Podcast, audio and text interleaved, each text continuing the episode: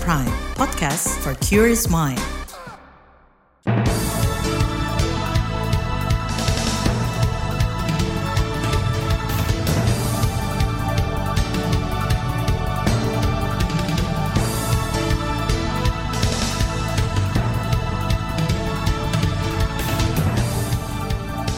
Selamat pagi saudara, senang sekali kami bisa menjumpai Anda melalui program Buletin Pagi edisi Senin 16 Januari 2023. Saya Naomi Liandra. Sejumlah informasi pilihan telah kami siapkan, di antaranya klub sepak bola kecewa PSSI hentikan kompetisi Liga 2 dan 3. Wapres minta ulama tak jadi pemantik perselisihan saat pemilu 2024. Polda Sulteng selidiki dua WNA dan WNI tewas imbas bentrokan di PT GNI. Inilah Buletin Pagi selengkapnya. Terbaru di Buletin Pagi.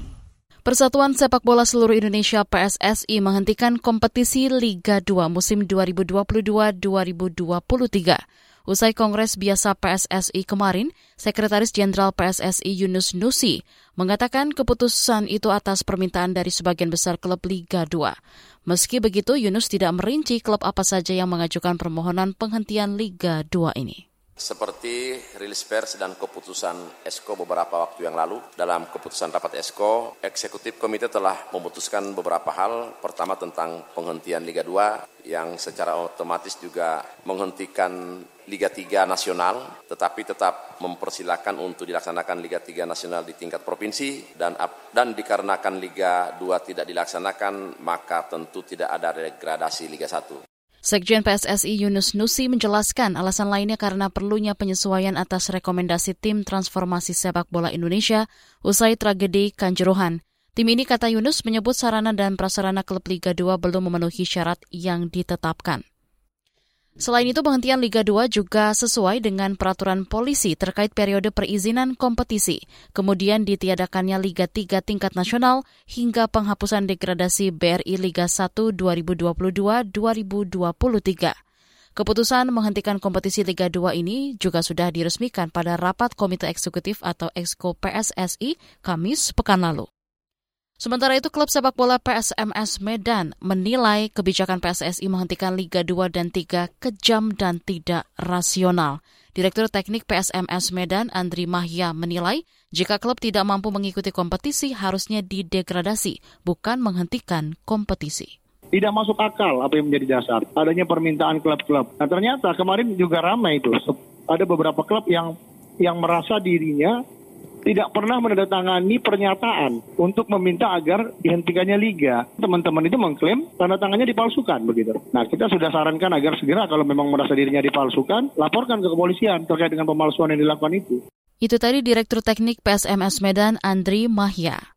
Hal senada juga diungkap PSCS Cilacap, Persipal Palu, Persiba Balikpapan, dan Karo United. Bahkan klub Persipura Jayapura berniat menggugat PSSI terkait dihentikannya kompetisi Liga 2. Pemerintah mengatakan akan bertemu dengan sejumlah klub sepak bola Liga 2 hari ini. Menpora Zainuddin Amali mengatakan tengah mendiskusikan cara memperkuat klub sesuai aturan dan berlandaskan status Federasi Sepak Bola FIFA dan PSSI. Tetapi pemerintah memberikan dukungan untuk percepatan pembangunan persepak bola nasional. Menpora Zainuddin Amali juga meminta agar percepatan pembangunan persepak bola Indonesia dibenahi secepatnya. Sementara Komisi yang membidangi olahraga DPR menilai ada ketidakkonsistenan dari PSSI terkait kebijakan menghentikan kompetisi Liga 2 dan 3. Ketua Komisi yang membidangi olahraga DPR, Syaiful Huda, menyebut kompetisi Liga 2 dan 3 harusnya diperbanyak untuk mendapatkan bibit-bibit terbaik untuk tim nasional Indonesia. Kalau liga level 2 3 tidak bisa terselenggara dengan baik, cerminannya saya kira kita akan mendapatkan profil timnas yang tidak maksimal. Saya kira ini keputusan yang tidak adil dan semakin menambah penderitaan panjang para pemain sepak bola kita di Liga 2, Liga 3 dan berbagai persiapan yang lain. Saya khawatir ini bagian dari kebijakan politis menjelang Kongres. Ketua Komisi yang membidangi olahraga DPR, Syaiful Huda, menilai keputusan PSSI menjadi bukti pengelolaan Liga Sepak Bola di Indonesia itu berantakan. Syaiful Huda mengusulkan agar anggota Kongres Biasa PSSI turut mengevaluasi kebijakan penghentian Liga 2 dan 3 ini. DPR juga akan mengundang Kemenpora dan PSSI untuk menjelaskan dihentikannya kompetisi Liga 2 dan 3 ini dalam waktu dekat. Pengamat sepak bola menilai kebijakan Komite Eksekutif Exco Persatuan Sepak Bola Seluruh Indonesia PSSI menghentikan Liga 2 dan 3 merupakan keputusan keliru. Menurut pengamat sepak bola Kesit Budi Handoyo, keputusan itu otomatis menghapus sistem degradasi di Liga 1 sehingga pertandingan tidak kompetitif. Perberhentian juga bisa menghambat pembinaan atlet dan menumpuk, menumpulkan kemampuan mereka mengolah bola. Ya kalau PSSI mungkin karena mereka merasa pada saat ini sudah bersiap-siap untuk menggelar kongres, sebentar lagi akan ada pergantian kepengurusan. Ya mungkin kepengurusan yang sekarang merasa eh udahlah gitu kan, nggak usah diterusin nggak apa-apa. Mungkin seperti itu akhirnya cara berpikirnya begitu kan. Akhirnya kembali kepada niat, hmm. apa pun kondisinya ya kecuali force major loh ya. Kalau uh, saat ini menurut saya penghentiannya bukan karena force major. Ya, kalau force major misalnya ada bencana, ya kan itu mungkin masih bisa kita terima gitu ini kan tidak ada Pengamat sepak bola Kesit Budi Handoyo menambahkan manajemen klub sepak bola juga sangat dirugikan atas keputusan itu. Kesit beralasan penghentian akan membebani keuangan klub yang bisa berimbas kepada upah pemain dan ofisial. Penghentian Liga 2 dan 3 juga bisa meningkatkan citra buruk PSSI usai tragedi Kanjuruhan. Kesit lantas menyarankan Liga 2 dan 3 tetap diselenggarakan dengan sistem bubble dan tetap menggunakan mekanisme degradasi dan juga promosi. Komnas HAM mengingatkan aparat kedepankan kemanusiaan tangani konflik di Papua impas penangkapan NMB. Informasinya akan hadir sesaat lagi, tetaplah di Buletin Pagi KBR. You're listening to KBR Pride, podcast for curious mind. Enjoy!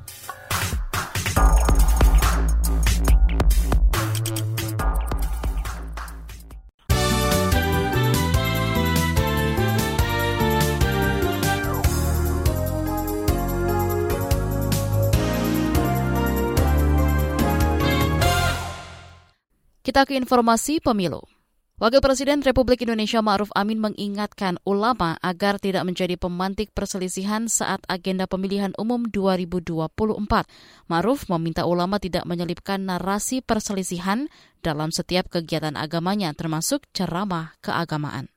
Jangan menjadi kompor yang kemudian justru membelah membelah bangsa ini menjadi bangsa yang bermusuhan saya kira itu itu penting dan ini harus menjadi komitmen semua ulama mencegah terjadinya konflik dan permusuhan ya.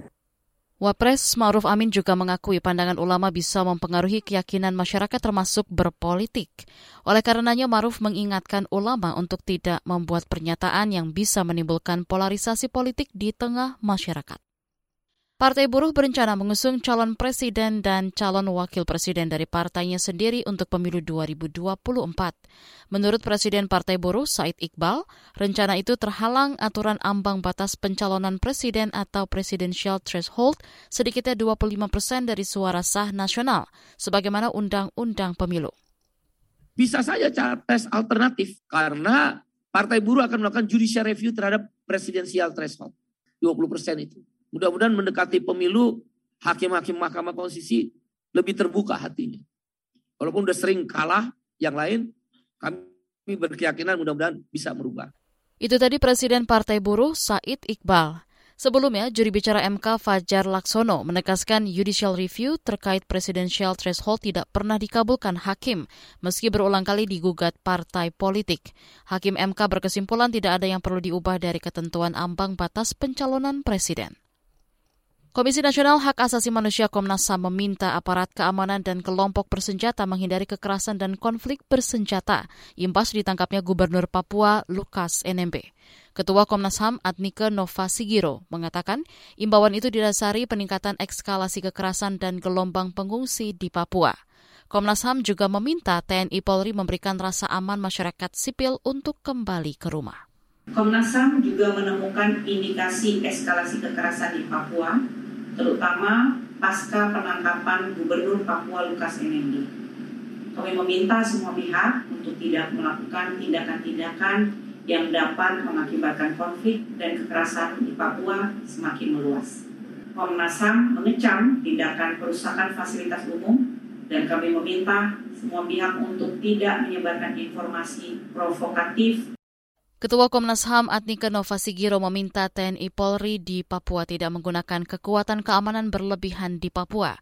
Atiko mengingatkan aparat keamanan di Papua mengedepankan humanisme sesuai prinsip HAM sembari mendorong pelibatan tokoh agama, tokoh adat, dan tokoh masyarakat untuk meredam ketegangan di bumi cendrawasi.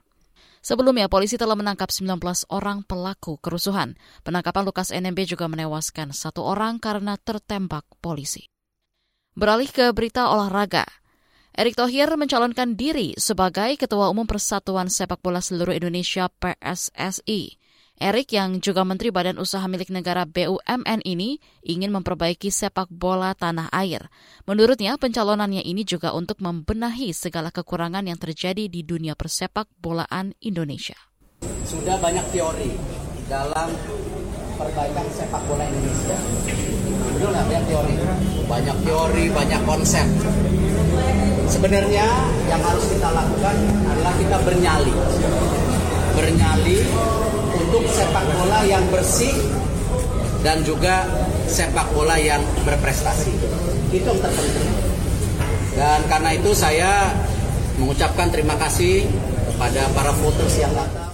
Erick Thohir menegaskan tugasnya memastikan mimpi masyarakat Indonesia menjadi kenyataan untuk sepak bola Indonesia yang lebih baik. Ia juga ingin membongkar dan memperbaiki sepak bola Indonesia dari tangan-tangan kotor yang merusak olahraga itu. Pada 16 Februari mendatang, Komite Pemilihan dan Komite Banding Pemilihan PSSI terpilih akan bekerja untuk memproses menuju Kongres Pemilihan Ketua Umum, Wakil Ketua Umum, dan anggota Komite Eksekutif. Kita ke Malaysia Open. Ganda Indonesia Fajar Alfian Muhammad Rian Ardianto menjadi juara Malaysia Open 2023. Peringkat satu dunia itu berhasil mengalahkan ganda Cina Liang Weikeng Wang Chang dengan skor 21-18, 18-21, 21-13. Dengan kemenangan ini, Fajar dan Rian berharap mereka bisa kembali berprestasi semakin untuk Indonesia. Kemenangan ini juga menjadi pembuka bagi Fajar dan Rian di turnamen berikutnya seperti India Open dan Indonesia Masters. Kita ke informasi mancanegara. Sebuah pesawat berpenumpang 72 orang termasuk awak milik Yeti Airlines jatuh di Nepal kemarin. Dikutip dari AFP, pejabat kepolisian Nepal, Aka Shetri, mengungkapkan baru 31 jenazah dibawa ke rumah sakit, sementara 36 lainnya masih berada di jurang setinggi 300 meter lokasi pesawat itu terjatuh. Juri bicara militer Nepal Krishna Prasad Bandari mengkonfirmasi 29 mayat telah berhasil dievakuasi dan 33 lagi berada di Pokhara, Nepal Tengah. Saat ini pencarian dan penyelamatan tengah berlangsung dan belum ada korban selamat yang ditemukan. Dari 68 penumpang itu, 15 orang di antaranya adalah warga negara asing. Perdana Menteri Malaysia Anwar Ibrahim meminta warganet Malaysia dan Indonesia tidak ribut di media sosial karena kedua negara itu masih satu rumpun. Anwar juga mengingatkan banyak aspek positif yang harus diperkuat dari hubungan Malaysia-Indonesia. Di antaranya terkait pekerja migran Indonesia agar tidak membuat panas hubungan kedua negara.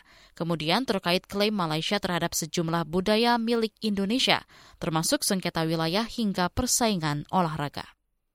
Di bagian berikutnya kami hadirkan laporan khas KBR tentang kasus Ciki Ngebul, edukasi dan pengawasan makanan perlu lebih ketat.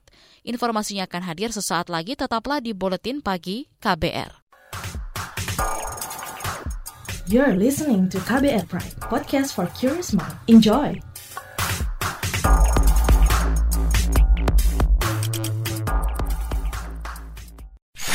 Commercial break. Commercial break. Anda sering gelisah, tidak bisa tidur nyenyak, selalu merasa ada yang merasuki pikiran Anda.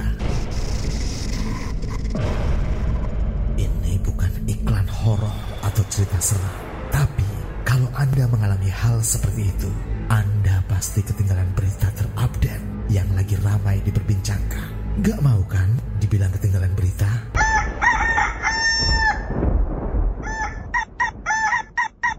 Makanya dengerin KBR Pagi, siaran pagi radio paling update, menghadirkan narasumber yang terpercaya dan kredibel. Banyak lagu-lagu dari zaman old sampai zaman now. Setiap hari Senin sampai dengan Jumat, mulai pukul 7 sampai 8 waktu Indonesia Barat. Bisa didengerin dari Aceh hingga Papua. Cukup satu jam saja untuk membuat kamu tetap update. Woi, ayam siapa nih? Berisik, saya mau dengerin kabar pagi.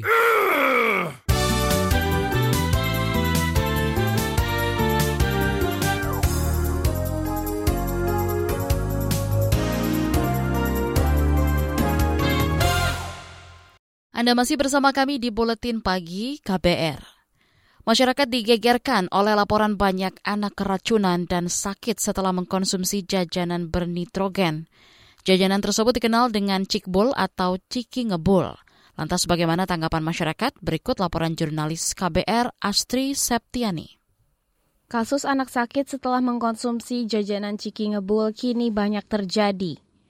Dinas Kesehatan Provinsi Jawa Barat bahkan mengharuskan seluruh rumah sakit melaporkan jika menerima pasien kasus keracunan akibat jajanan bernitrogen atau ciki ngebul untuk mencegah terjadinya kejadian luar biasa atau KLB. Saat ini, status kasus ciki ngebul atau cikbul di Jawa Barat masih di level kedaruratan medis.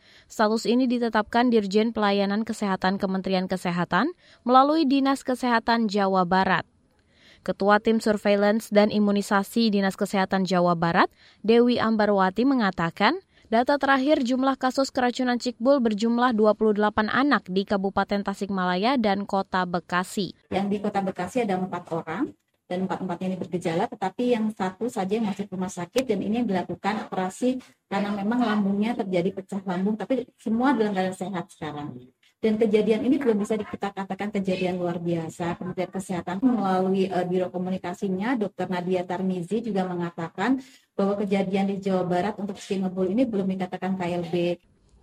Dinas Kesehatan Jawa Barat terus mengawasi 25 kota dan kabupaten lainnya. Sedangkan kasus di Tasikmalaya dan Bekasi diklaim sudah ditangani. Dewi Ambarwati mengatakan, Dinas Kesehatan Jawa Barat kini tengah melakukan penyidikan epidemiologi untuk mempelajari dan menganalisis tentang penyebaran, pola, dan penentu kondisi kesehatan dan penyakit pada populasi tertentu. Dengan adanya kasus ini, Dewi mengingatkan seluruh kelompok masyarakat mengenai bahaya mengkonsumsi jajanan bernitrogen. Dia menegaskan, nitrogen cair ini tidak direkomendasikan dimasukkan dalam bahan dasar makanan, karena dapat memicu luka bakar dingin di saluran pencernaan. Kementerian Kesehatan RI melalui surat edarannya juga meminta rumah sakit dan dinas kesehatan di daerah melapor jika menemukan kasus keracunan jajanan berasap akibat dicampur nitrogen cair. Flo, salah seorang warga Tangerang Selatan membagikan pengalamannya mengkonsumsi ciki ngebul beberapa bulan lalu, sebelum heboh pemberitaan di media soal bahaya ciki ngebul. Ia membeli jajanan itu di pasar malam dengan harga Rp5.000 karena penasaran makanan ini viral di media sosial emang harus ini ya maksudnya kalau anak-anak yang coba itu kayak harus diperhatiin gitu sama orang tuanya. Karena itu kalau dimakan itu kayak ada sensasi dinginnya gitu terus agak nyengat gitu.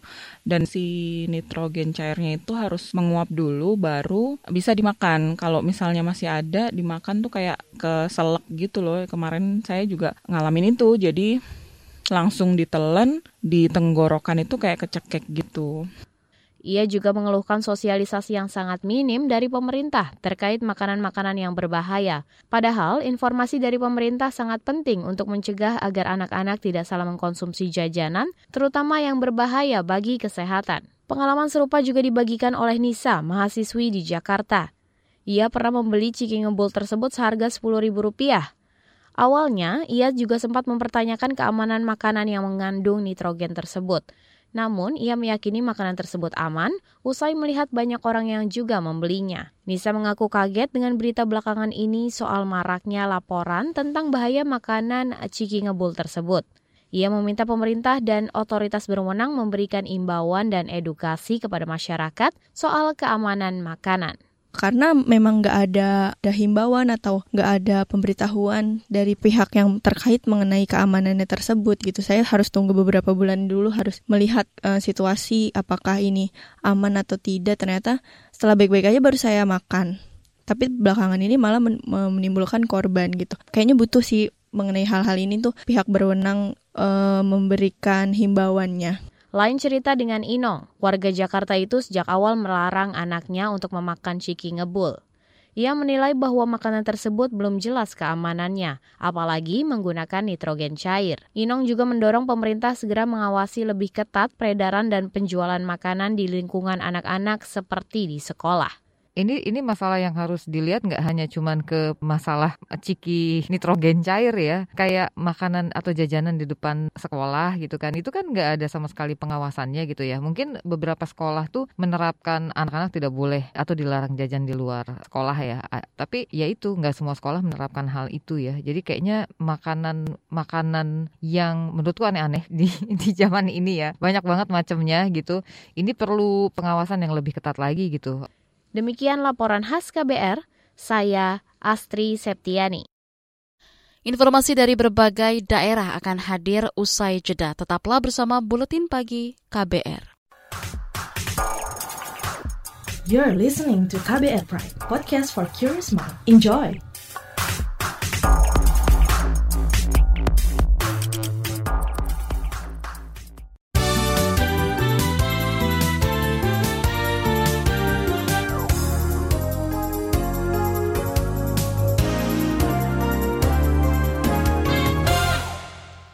Inilah bagian akhir buletin KBR.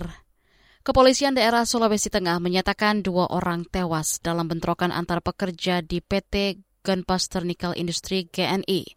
Kapolda Sulawesi Tengah Rudi Sufaryadi mengatakan korban merupakan seorang warga negara asing dan satu tenaga kerja Indonesia. Meski begitu, polisi belum mengetahui identitas korban bentrokan itu. Kita sedang melakukan penyelidikan untuk mengungkap siapa yang meninggal dunia dari TKI, siapa yang dari TKA, dan kenapa meninggal dunia. Saya akan lakukan penyidikan ini semuanya. Tapi saya berharap kejadian ini tidak terulang lagi karena kemarin memang kekuatan pengamanan itu sangat minim dan terjadi malam hari. Kapolda Sulteng Rudi Sufaryadi menambahkan personilnya juga telah menangkap 69 orang yang diduga sebagai provokator dan pelaku pengrusakan. Sebelumnya terjadi bentrokan antara pekerja asing dan lokal di PT GNI. Bentrokan dimulai dari aksi mogok dan protes dari pekerja lokal dengan menerobos masuk ke perusahaan dan melakukan pengerusakan. Dua orang tewas akibat kejadian itu. Lembaga Bantuan Hukum LBH Semarang mengajukan laporan pelanggaran hukum terkait belum dibayarkan insentif tenaga kesehatan oleh pemerintah kota itu. Menurut catatan LBH Semarang, insentif nakes yang belum dibayar Pemkot Semarang di periode Februari-Maret 2022 dengan besaran setiap bulannya 7,5 juta rupiah untuk perawat. Perwakilan LBH Semarang, Rizky Putra Edri kami bersama pelapor dan lapor COVID-19 itu ber, e, berencana untuk mengajukan aduan atau laporan kepada Ombudsman Perwakilan Provinsi Jawa Tengah dengan terlapor yang pertama adalah pemerintah Kota Semarang karena kegagalan pemerintah Kota Semarang dalam memenuhi hak tenaga kesehatan dalam hal ini insentif dan yang kedua adalah Direktur RSUD KRMT Wongsonegoro. Perwakilan LBH Semarang Rizky Putra Edri meminta Pemkot Semarang memberikan keadilan dengan mencairkan insentif nakes. LBH juga mengingatkan Pemkot Semarang mensejahterakan tenaga kesehatan meski PPKM telah dicabut pemerintah pusat. Unit Pelaksana Teknis Daerah Perlindungan Perempuan dan Anak UPTD PPA Makassar mengakui ada penurunan tren pernikahan dini di kota itu. Menurut Kepala UPTD PPA Makassar, Muslimin Hasbullah, penurunan itu mencapai 34 persen. Sebelumnya tren pernikahan dini di Makassar cukup tinggi. Dari 50 laporan pernikahan anak yang diterima, 30 kasus di antaranya dikabulkan dan mendapatkan dispensasi nikah, sementara sisanya ditolak. Itu meredam laju pernikahan anak yang kemarin sempat tinggi, Alhamdulillah di tahun 2022 ini itu kami menangani agak kurang dibanding tahun 2021 itu berkurang sekitar 34 persen. Di tahun 2022 ini kami menerima aduan untuk layanan rekomendasi nikah. Itu ada 50 aduan. Tahun sebelumnya itu ada 76 itu tadi Kepala Unit Pelaksana Teknis Daerah Perlindungan Perempuan dan Anak Makassar, Muslimin Hasbullah. Data BPS menyebut angka pernikahan dini di Sulawesi Selatan lebih tinggi sedikit dari angka nasional, yaitu 9,25 persen dari angka nasional sebesar 9,23 persen. Informasi tadi menutup jumpa kita pagi hari ini di Buletin Pagi. Pantau juga informasi terbaru melalui kabar baru, situs kbr.id, Twitter di @beritaKBR, serta podcast di alamat kbrprime.id. Saya Naomi Liandra bersama tim yang bertugas undur diri. Salam.